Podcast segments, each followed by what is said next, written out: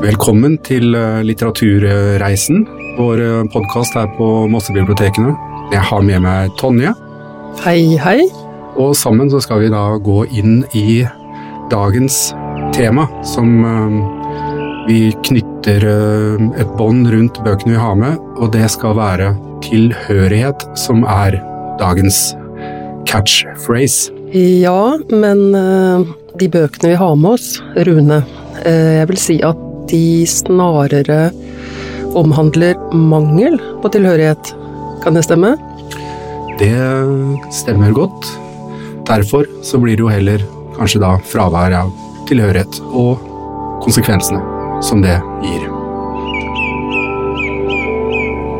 Eh, da vil jeg starte med en veldig, veldig god bok jeg har lest, som heter uh, Tove Ditlevsen var min mormor. Og den er skrevet av Lise Munch Tygesen, som uh, forteller om sin uh, mormor, da, og mange generasjoner kvinner bakover. Boken starter med at hun finner en eske i sin avdøde mors hus når hun rydder ut, og på esken står det 'hemmeligheter'.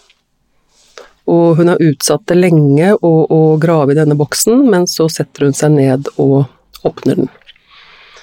Og der får hun et uh, ganske mye større innblikk i sin mormor, og også da to generasjoner bakover. Og her snakker vi om fem generasjoner kvinner som alle har slitt.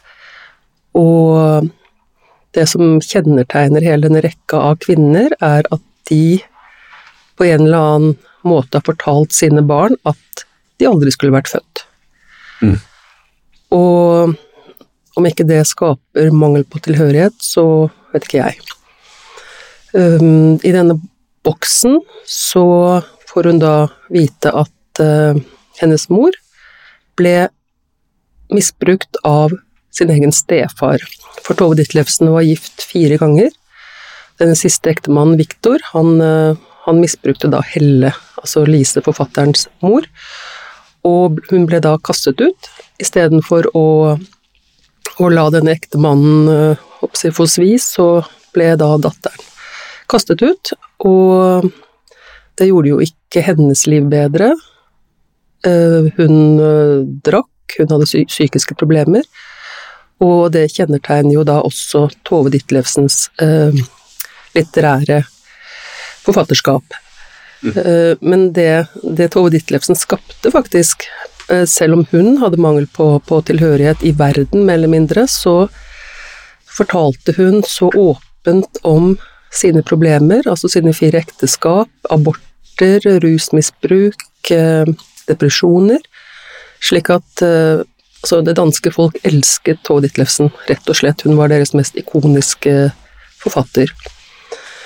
Og dette er da historie om fem generasjoner kvinner, men da mest av alt om, om denne mormoren, Tove Ditlevsen.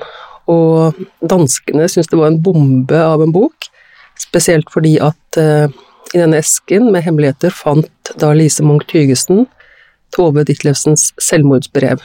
Hun tok da selvmord i 1976, og danskene var delt i hvorvidt dette brevet skulle være med, men eh, det er et eh, flott selvmordsbrev, hvis man kan kalle det det. Eh, det er både litt høyttravende, hvor hun sier at ikke sørg fordi jeg er død, sørg fordi at jeg har levet. Hun sier at svaret på selvmordet kan de finne i bøkene hennes. Så er det en del sånne veldig praktiske ting som eh, er blandet inn i dette her. Hun forteller at hun har betalt slakteren, hun har levert biblioteksbøkene sine, og ja, nå er hun klar. Ja. Så dette er en, eh, en, utrolig sterk bok. Kan både leses som en slags slektshistorie og en eh, litterær historie, og en historie om kvinner som som mangler tilhørighet da, i livet sitt. Du har ikke lest den, Rune? Jeg har ikke lest uh, den boken, men jeg så Tove Ditlevsen, uh, eller Tove Ditlevsens værelse, altså kinofilmen, den så jeg for ikke så lenge siden. Uh, og den gjorde et uh, sterkt inntrykk. Det var en voldsom film. Fortetta drama på litt over en time.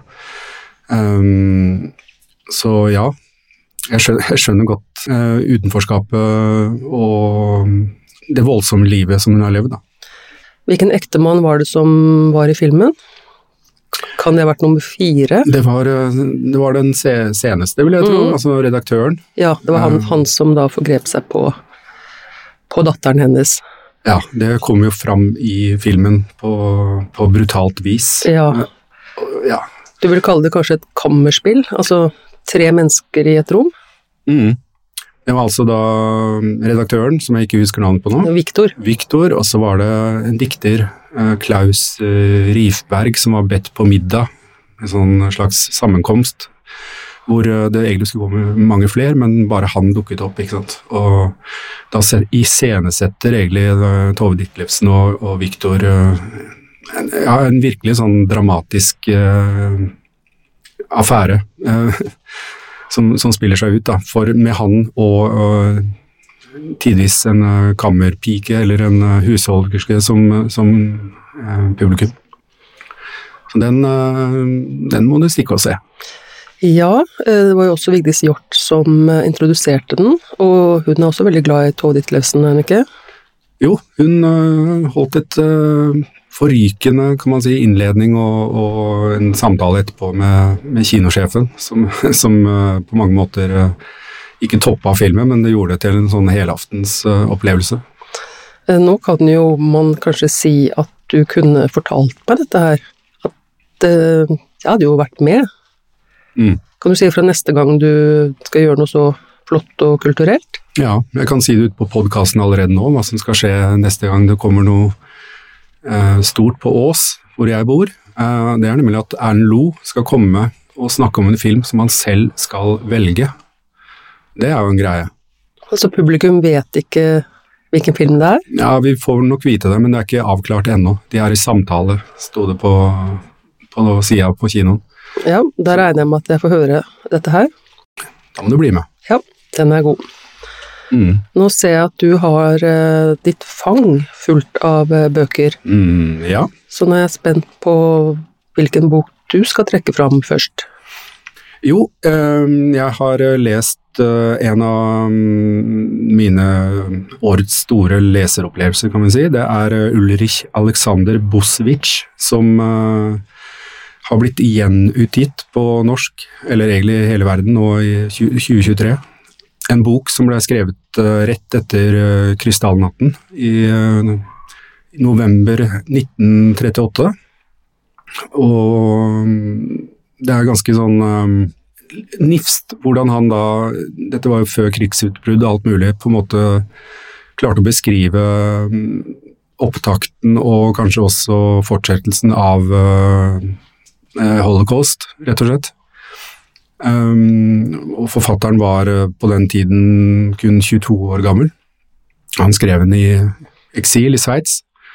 Så um, det var um, Ja, det, det, ga en sånn Eller gir en følelse av veldig sanntidsopplevelse av disse tingene uh, å lese denne boken. og det er en uh, jødisk uh, forretningsmann som fra den ene dagen er eh, rik, velstående, vel ansett i lokalsamfunnet. Ehm, plutselig så rakner hele samfunnsstrukturen for hans del da, rundt han, i og med at ehm, jøder er eh, noen grata. Og han eh, må egentlig bare flykte med de pengene han klarer å få med seg av ting. Han selger leiligheten sin for en latterlig lav sum. Og ender da opp med å ta tog rundt om i Tyskland for å holde seg liksom i, i bevegelse, for å ikke bli tatt av tyskerne. Og dette er jo da også en tid da resten av Europa stenger grensene ut fra Tyskland, så ingen jøder som da hadde dratt, har mulighet til å komme seg vekk så det er veldig sånn klaustrofobisk følelse som uh, kommer fram i denne boken. Du kan si uh, livet hans bare raser sammen som i en ja, kvikkleireras, var det liksom det ordet jeg fikk Mm. i hodet. At uh, all fast grunn er borte. Og det kan man jo si er uh, sterkt uh, innenfor eh, tilhørighet. Um, det faktisk å falle ut fra et helt uh, samfunn fordi at du er av en uh, etnisk minoritet. Og ikke minst uh, fordi um, man er altså han, Hovedpersonen er så alene. Han kan ikke altså Selv om det er mange som han i Tyskland, så har de ikke noen mulighet til å, å kommunisere med hverandre. Altså, man må leve i det skjulte. Da. Så han, han er mutters alene i en skjebne som han deler med etter hvert millioner av andre. Så det er sterk eh, lesing. Men hvor eh, fant du den? Altså, jeg har ikke hørt om den engang. Nei, altså den, den lå egentlig bare på, på nyheter på hylla. Den har et litt sånn uh, Hva skal jeg si, altså coveret er en veldig modernistisk eh, tolkning av uh, gammel 40-talls eh, uttrykk, altså grafisk. Så jeg ble litt eh, betatt av den tittelen, Den reisende. Mm, absolutt. Og så er det en mann som løper, ser bak seg, og så er det noe tog og masse naziflagg. Så det kan jo hende at det er eh, fordi jeg er mann 55, veldig opptatt av krigen. Alle menn eh, jeg kjenner, er opptatt av annen verdenskrig. Ja. Jeg er ikke så opptatt av det, men, eh, men eh, jeg leste bakpå, og det som egentlig Det som dro meg inn i boka, var vel det at det var skrevet av en såpass ung fyr, og hans historie som eh, ikke endte vel, ikke sant. Forfatteren eh, fikk bare publisert denne ene boka. Den kom ut i England og i USA, men gikk i glemmeboken ganske fort. Og han hadde vel et annet manus som han uh, tok med seg fra Australia. Altså han, han flykta til England, og der ble alle fra Tyskland deportert som krigsfanger. Spilte ikke noen rolle om du var jøde eller uh, noe annet. Så på vei fra, fra Australia tilbake til England, så ble båten han var i, eh, torpedert, og alle om bord døde. Da gikk også manus til bok nummer to tapt. Ja, Det var det jeg lurte på, det med Mm. manuset. Men manuset til den boken du har nå, Det ble funnet på et jødisk arkiv i New York, etter, å, etter mange år bare vært uh, rett og slett glemt. Og da tok foreleggeren øh, som øh, tok for seg boken, han visste at forfatteren ved en anledning hadde skrevet til moren at han ønsket å revidere øh, den første boka, fordi den, øh, han syntes ikke den holdt mål. Så redaktøren har da jobbet fram eh, historien på nytt, da, eller ikke jobbet fram, men gjort korrigeringer som han eh, hadde funnet i korrespondanse mellom moren og, og denne Ulrich, forfatteren. Det var en veldig, hva skal jeg si, en eh, kronglete vei til en ferdig utgitt bok. Mm. Ja. Så den, eh, den har jeg veldig lyst til å lese. Jeg er jo kvinne 55 pluss, men jeg er Mm. også interessert i fakta fra annen verdenskrig. Ja. Så når vi er ferdig med denne podkasten, så kan du gi den til meg. Det kan jeg.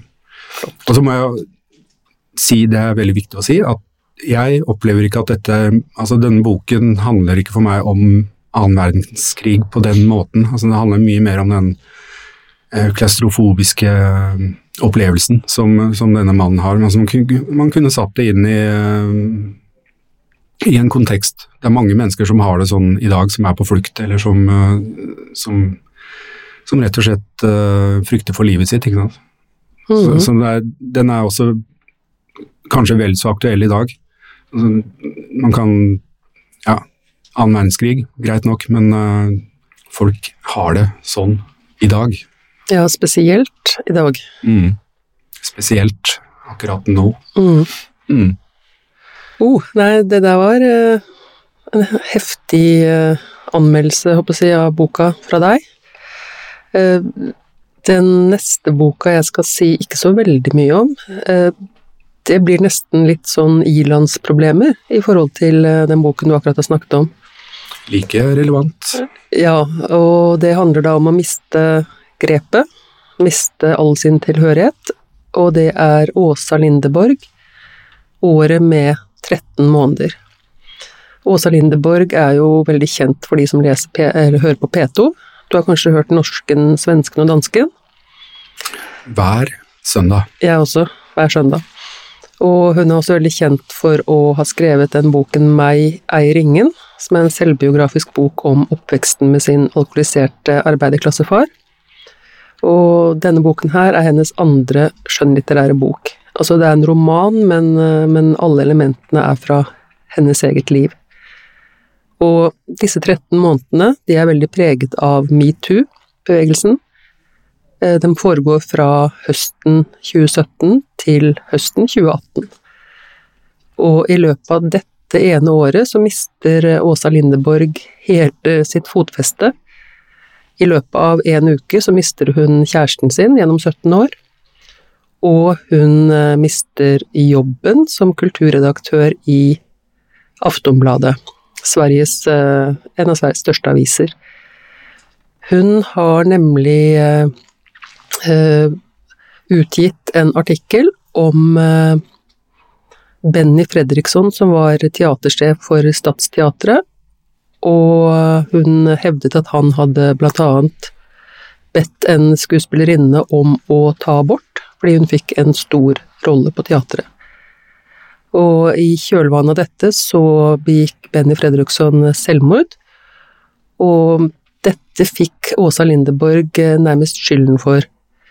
Og hun måtte gå fra stillingen sin i Aftonbladet til å være en slags sånn kronikkforfatter, som er et ganske dypt fall da, fra kulturredaktør. Mm. Og hun beskriver da hvordan i tillegg til dette så faller ansiktet hennes sammen, som hun sier. Hun er fylt 50 og huden begynner å henge, altså hva skal jeg si, det, det er ikke det verste. Men alt liksom skjer på en gang. Huden henger, og barna flytter hjemmefra, hun er alene, og hun beskriver annet hvordan hun går på konsum og handler, og i grønnsaksdisken så møter hun en kvinne som hveser til henne bare Benny Fredrikssons navn om og om igjen, da. Så hun uh, mister altså, hele livet sitt som hun kjenner det. Mm. Og det er jo en veldig sterk mangel på, på tilhørighet. Den er god, den er lettlest, og jeg vil absolutt eh, Hun er litt selvsentrert. Hun er veldig sånn name-droppende. Hun, liksom, hun har venner, det skal hun ha. Mm. Som da forsøker å hjelpe henne. Så, så, hun er ikke helt der ute. Men uh, ja, veldig sånn selvransakende og bra historie. Litt tidsbilde også over den metoo-bevegelsen som var så stor på den tiden. Mm. Men hun har jo rodd seg inn i det gode selskapet igjen, kan man si? Å ja, hun har rodd seg veldig inn. Og den norske, svensken og dansken er jo blitt en veldig, veldig stor podkast. Både i Norge, Danmark og i Sverige. Mm. Så hun har på en måte kommet seg på beina igjen.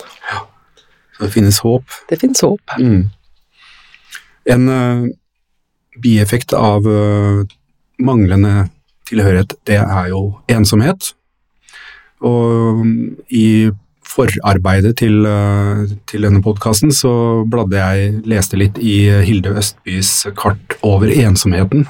Og der er det jo mange um, fakta som, som på en måte belyser effekten av Altså det å falle utenfor, det har store konsekvenser for samfunnet. Hun tar annet for seg Utøya, ikke sant. Mm. Det er kanskje det største norske mm, tragedien, som er basert på manglende tilhørighet, kan du si. Eh, altså at det kan lede ut i ekstremisme.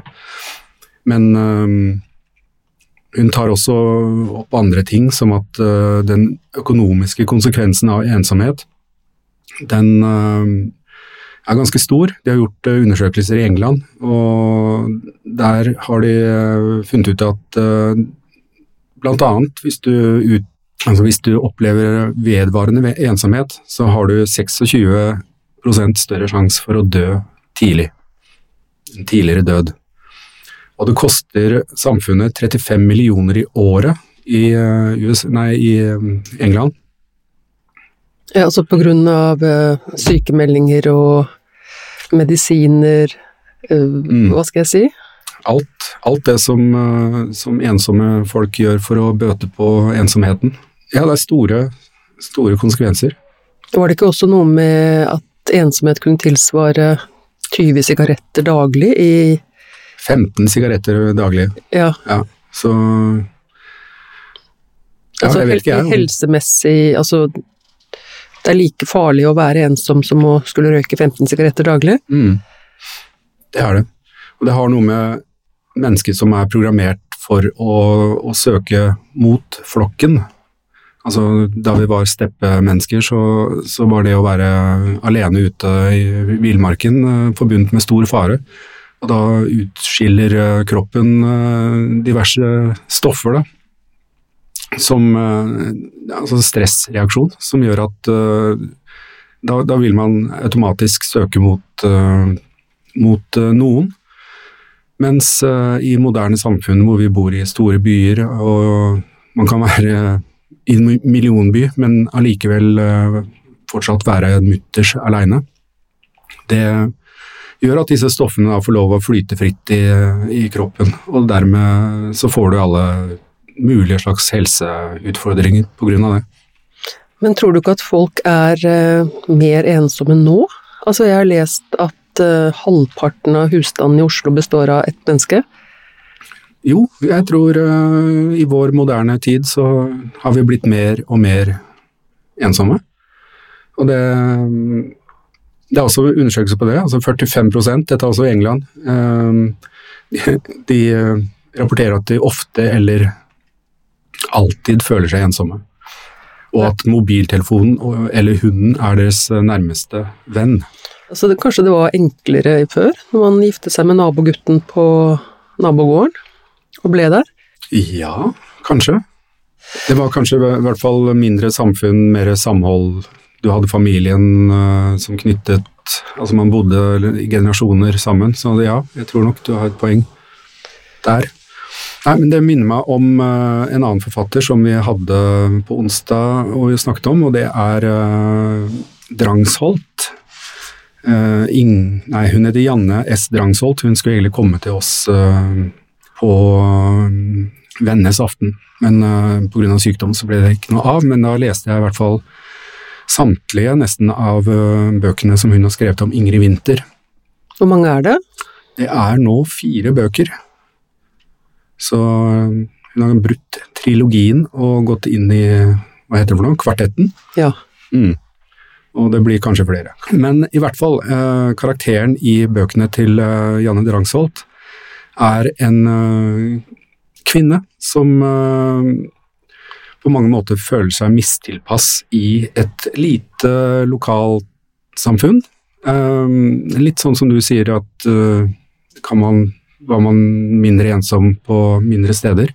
Altså, de bøkene er veldig morsomme. Det er litt sånn Nina Lykke, Ern Lo, den type litteratur. Du ler veldig mye av de uh, situasjonene som oppstår, så det er først og fremst uh, moro å lese bøkene. Men uh, undertonen der er jo nemlig at Ingrid Winther ikke finner seg til rette i nabolaget, på arbeidsplassen, andre steder. Altså, hun føler seg misforstått. Hun passer rett og slett ikke inn. Og da tenkte jeg, mens jeg leste dette her, så tenkte jeg på min egen ferd da, fra å flytte fra storbyen Oslo eh, og havne på et eh, mye, mye mindre sted, som var Ås, og hvordan spillereglene der var helt annerledes enn eh, de jeg hadde hatt i Oslo, hvor det var trygt, hvor jeg hadde venner som dyrket de samme interessene, vi hadde de samme kodene, vi skjønte hverandre hele tiden. Og da kjente jeg meg veldig igjen i Ingrid Winther, rett og slett. Og det gjorde jo at bøkene ble, selv om jeg er mann, 55, så, så følte jeg veldig tilhørighet til hennes opplevelse av å ikke altså, stritte imot og ikke ville være med i det nye. Jeg vet ikke om du har uh, hatt noen andre lignende og, erfaringer? Å jo, Rune, det, det, har jeg. Uh, Jeg har vel kanskje en litt uh, tilsvarende ungdoms- og ung voksentid som deg i Oslo. Mm. Det med koder, altså alt fra klær, musikk Ja, hele familien min der. Og um, jeg bodde i Oslo i 32 år. Mm. Og så fikk jeg jobb i Fredrikstad. Og jeg håper at uh, ingen derfra egentlig hører på. For jeg syns at det å komme fra Oslo til Fredrikstad var rett og slett grusomt. Det er et eller annet med å skaffe seg venner i voksen alder som kan være veldig vanskelig. Altså, jeg hadde jo flotte kolleger, men de hadde jo sine egne liv. Og jeg hadde jo ikke lyst til å si, presse meg inn i deres omgangskrets, så jeg var enormt mye alene. Mm. Det var eh, Jeg bodde der i fire år, og jeg kan si at det er de verste fire årene i mitt liv. Og jeg må si at eh, det er bedre i Moss av en eller annen Mm. grunn. Mm. Jeg føler meg ikke så ensom her. Så, men som sagt, de fire årene sånn fra, rett fra Oslo til en, en mindre by, uten, uten omgangskrets, det var, det var hardt. Mm. Så, så vi har hatt litt av den samme opplevelsen der, og kommet til mindre, mindre steder fra Oslo. Nå må det jo nevnes at jeg kommer fra Ås, og Ja. jeg kunne ikke komme meg fort nok derfra. Ikke sant? Og der ender jeg opp. Der ender du opp. Som jeg pleier å si, før blekket var tørt på vitnemålet mitt, så var jeg ute derfra. Mm. Og du har kommet dit. Ja. Men eh, jeg hadde jo små barn da jeg flytta dit. Det, sånt hjelper jo, ikke sant. Da kommer man inn i via foreldremøter, barnehagehenting, og så blir man kjent med folk, og så må man bare kode hva er det som gjelder her. Ok, kast uh, gummijakka eller skinnjakka eller hva jeg nå hadde på meg på de dagene, men fram med allværsjakke. Snakk om løping, snakk om turgåing, hvilken fjelltopp har vi vært på, osv. Så så du har rett og slett assimilert deg til Ås. Altså, assimilert meg til Ås. Ja. Og jeg måtte bare komme meg ut. ja. Har vi noen flere bøker i bunken vår nå? Så jeg har jo faktisk flere bøker. Herregud, Rune, du har jo en eh, halvmeter bunke her. Ja, men du må ha glemt noen bøker fra onsdagen som du ikke har med. Eh, Jeg har med en liten bok til. Mm. Det er den siste, og det er Hannas hus av Karin Sveen. Mm. Den er fra, skrevet på 80-tallet, og det er en oppvekstskildring fra Hamar. Og Suttung-bevegelsen spiller en stor rolle. Du trodde Suttung-bevegelsen var noe som Heim, Heimlich-manøver eller noe sånt? Heimlich-manøvers in the Park. Ja. Mm. Suttung-bevegelsen ble dannet av Ingeborg Refling Hagen, en forfatter, som eh, ville gå til kamp mot trollet, som Ibsen sier. Altså hun ville eh, gå til kamp mot likegyldighet og, og mangel på kultur. Så hun startet denne bevegelsen hvor eh, folk leste, og de leste ikke hva som helst. De leste Goethe, Ibsen, Kink, mytologi, myter. Og det startet med lesegrupper rundt omkring, og så rett og slett åpnet hun huset sitt på Tangen, eh, og der fikk folk komme og lese verdenshistorien, spille teater og jobbe litt ved siden av. Mm. Og da Marte, da, dette er en nøkkelroman, Marte er jo Karen Sveen, når hun kommer første gang via en forelskelse i Peter, som er blek og tynn og går rundt og leser hele tiden, så, så havner hun der da, i uh, dette huset på Tangen. Og det jeg kan nevne, er at Marte kommer fra en uh, arbeiderfamilie. Hun er den første i familien som får gå på gymnas, og hun går da på Hamar katedralskole. Og da kommer hun da inn i denne bevegelsen, og føler seg ikke helt hjemme der. Hun blir hele tiden omtalt som arbeiderbarnet. Arbeiderbarnet skjønner ikke nok til å ta inn disse disse vyene opp fra verdenshistoriens eh, litteraturskatt og alt det der. Hun føler seg heller ikke hjemme hos seg selv, nå som hun har begynt å ja, en klassereise. Og hun eh, blir da i et stadig skvis. Det er på Tangen da med Ingeborg Efling Hagen får hun beskjed om at hun ja, hun vet for lite, hun kommer for sjelden, og hjemme i sin egen eh, familie får hun beskjed om at hun er blitt for fin på det, hun eh, er ikke lenger med på det familien gjør, og denne skvisen er utrolig vanskelig for henne. Så eh, det ender med at hun ja, forlater dette som da minner mer om en sekt eller en autoritær bevegelse. Og jeg har alltid vært veldig opptatt av den bevegelsen. Jeg har lest veldig mye om den, og sønnen min gikk til og med i en sånn suttung teatergruppe hvor de spilte Orfius i underverdenen. Mm. Jeg tror de holdt på et år med kostymene, og så spilte de eh, forestillingen én gang i Bjølsenparken. Fantastisk. Så det, det jeg har likt så godt med den boken der, er den derre den der utrolig dobbeltheten i livet hennes, og selvfølgelig også beskrivelsen av dette, dette huset som bare syder av ånd og Mm. litteratur. Og hun beskriver det så fantastisk da i boka, denne Marte, da, at huset er alltid opplyst, dag og natt. Så når de kommer liksom med toget da til Tangen og går opp, så ligger huset der som et digert skip i natten. Så det er litt vanskelig å si hvorfor jeg har elsket denne boken så høyt, men Åh, dette er flaut, Rune. Jeg har lest den, jeg må ha lest den ti ganger. Rett og slett. Uh, Der, der har vi meg. Jeg leser bøker om igjen, Mm. og derfor så går jeg jo glipp av en del. Men altså, leser du en bok flere ganger i forskjellige aldre, Mm. så vil du jo få andre ting ut av det.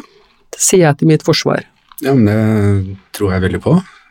Det blir jo som en tidsreise. Du kan, erfaringene du har tatt med deg videre og bringer inn i ny lesing, er jo Ja. Jeg skulle ønske jeg hadde tid til det.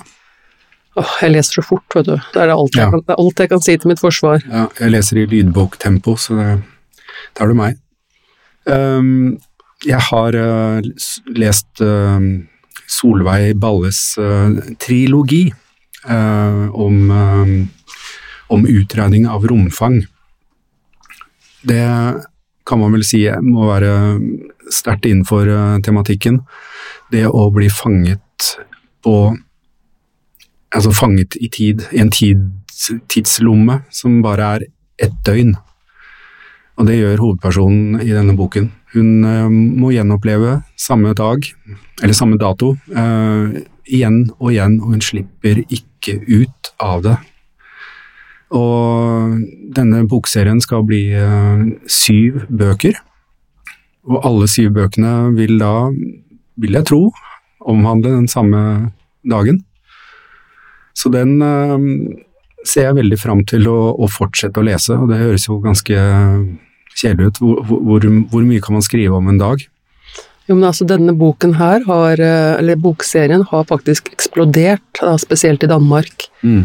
Hun har blitt eh, utrolig populær. Det som plager meg litt, er coveret. Det er litt, det er litt kjedelig. Kanskje, Og det kommer til å være det samme coveret på alle syv bøkene. mm. med litt forskjellige farger. Mhm. Det er en sirkel, er det ikke det? Det er vel en tidssløyfe, Ja. rett og slett.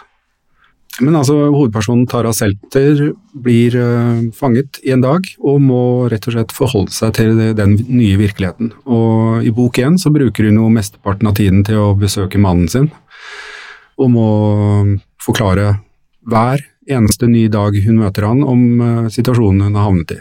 Og han tror henne etter hvert, ikke sant? Mm. Men hun klarer ikke å gjøre dette her hele tiden, så um, hun velger etter hvert å bare være på soverommet mens han er på jobb, og, og tusle rundt i huset og ikke være synlig. Og høre han komme hjem og gjøre alle de vanlige tingene han gjør. Og i bok to så har hun begynt å forflytte seg mer, altså hun kan reise hvor hun vil, og hun våkner ikke opp på en måte i den sengen der hun øh, våknet opp første gang hvis du skjønner. Mm. Det er jo en annen en film som kom på 80-tallet som het eh, Ny dag truer. Eller Groundhog Day. Groundhog Day. Som, eh, som har eh, noe av den samme tematikken. Men han våknet jo alltid opp. Uansett hva han gjorde, så våknet han alltid opp i sengen med samme vekkerklokka, den samme nyhetsmeldingen osv. Men eh, Tara Selter hun kan bevege seg i rom, da, men ikke tid. Samme døgnet igjen og igjen. Ja, Men hun kan være i Paris, eller hun kan være i Oslo. Det er jo bedre enn en Bill Murray i Groundhog Day, som bare må gjenoppleve det samme døgnet på det samme stedet. Mm. Og den samme groundhog, hva er det? Det er en slags Murmeldyr. murmeldyr, ja. Ja. Som skal komme ut av hiet sitt hver Og- dag. Hver dag må han dekke dette her, og han hater den jobben i utgangspunktet. sånn at uh, han opplever jo da den verste dagen i sitt liv om og om igjen. Og han er jo også, Phil Collins er en ufordragelig uh, tølper. Fint ord. Ja, tølper, rett og slett. Altså, han er helt, helt ufordragelig. Og det er vel det som blir på en måte Det er jo vendepunktet i filmen når han, han forelsker seg i en, en av Ja, hva heter hun? Rita som er spilt av Annie McDowell. Yes. Han er fanget i en dag, men han har da mulighet til å øve inn og repetere og prøve og feile tusen ganger for å vinne hennes gunst. Da. Så det er Han blir en bedre mann? Han blir, til slutt så blir han en bedre mann, fordi han finner ut at han må, han må lese lyrikk. Uh, hun liker veldig godt å danse og liker kulturelle menn, så han lærer seg han tar pianotimer. ikke sant? Så til, til slutt da, så er han jo han er, uh, han er, skolert, og han kan traktere piano osv. Og, så videre, og når han endelig på en måte har funnet, eller blitt et godt menneske, så våkner han til en ny dag. Det er vakkert. Men Tara Selter i om utregning av romfang, hun uh, har enn så lenge ikke gjort det, da. Så hun er mutters aleine i eh, sin egen dag. Fram til bok, slutten av bok to så dukker det opp andre personer som Det viser seg at hun er ikke alene i den situasjonen. Altså kanskje jeg må komme meg over det med det kjedelige omslaget og kaste meg ut i denne serien, jeg også? Jeg tror det. Jeg tror, altså, hun fikk jo Nordisk råds litteraturpris for uh, de tre første bøkene. Um, jeg har begynt å lese den tredje. Jeg leste den andre. Da, da kom det en, en, nordmann faktisk inn fra sidelinja. Mm. Som da møter hun, hun, har ett møte med han på de siste sidene. Men uh, det skal etter hvert vise seg at uh, hun er ikke alene allikevel. Så det blir spennende å følge videre. Ja, eh, det var godt vi egentlig fikk slutte med å prate litt om den filmen. Mm. Da kan vi liksom gi oss på litt stigende kurs. Vi har snakket om mye, mye mangel ja. her i dag. Mm. Mye savn og fremmedgjorthet. Mm. Så Men én ting jeg vil si. Du leser ikke bøker flere ganger, men du ser kanskje film flere ganger. Det må jeg innrømme at jeg gjør. Har du sett Groundhog Day? Men mange ganger. Du har sett den mange ganger? Ja. Ok. Du er litt der, du òg? Ja, altså akkurat den er uh, for meg en sånn film Altså, hadde, hadde, det vært uh, en tradisjon for meg å se julefilm, så tror jeg kanskje jeg ville valgt den. For den, den har liksom happy ending, og så er den morsom, og det er litt sånn romantisk komedie.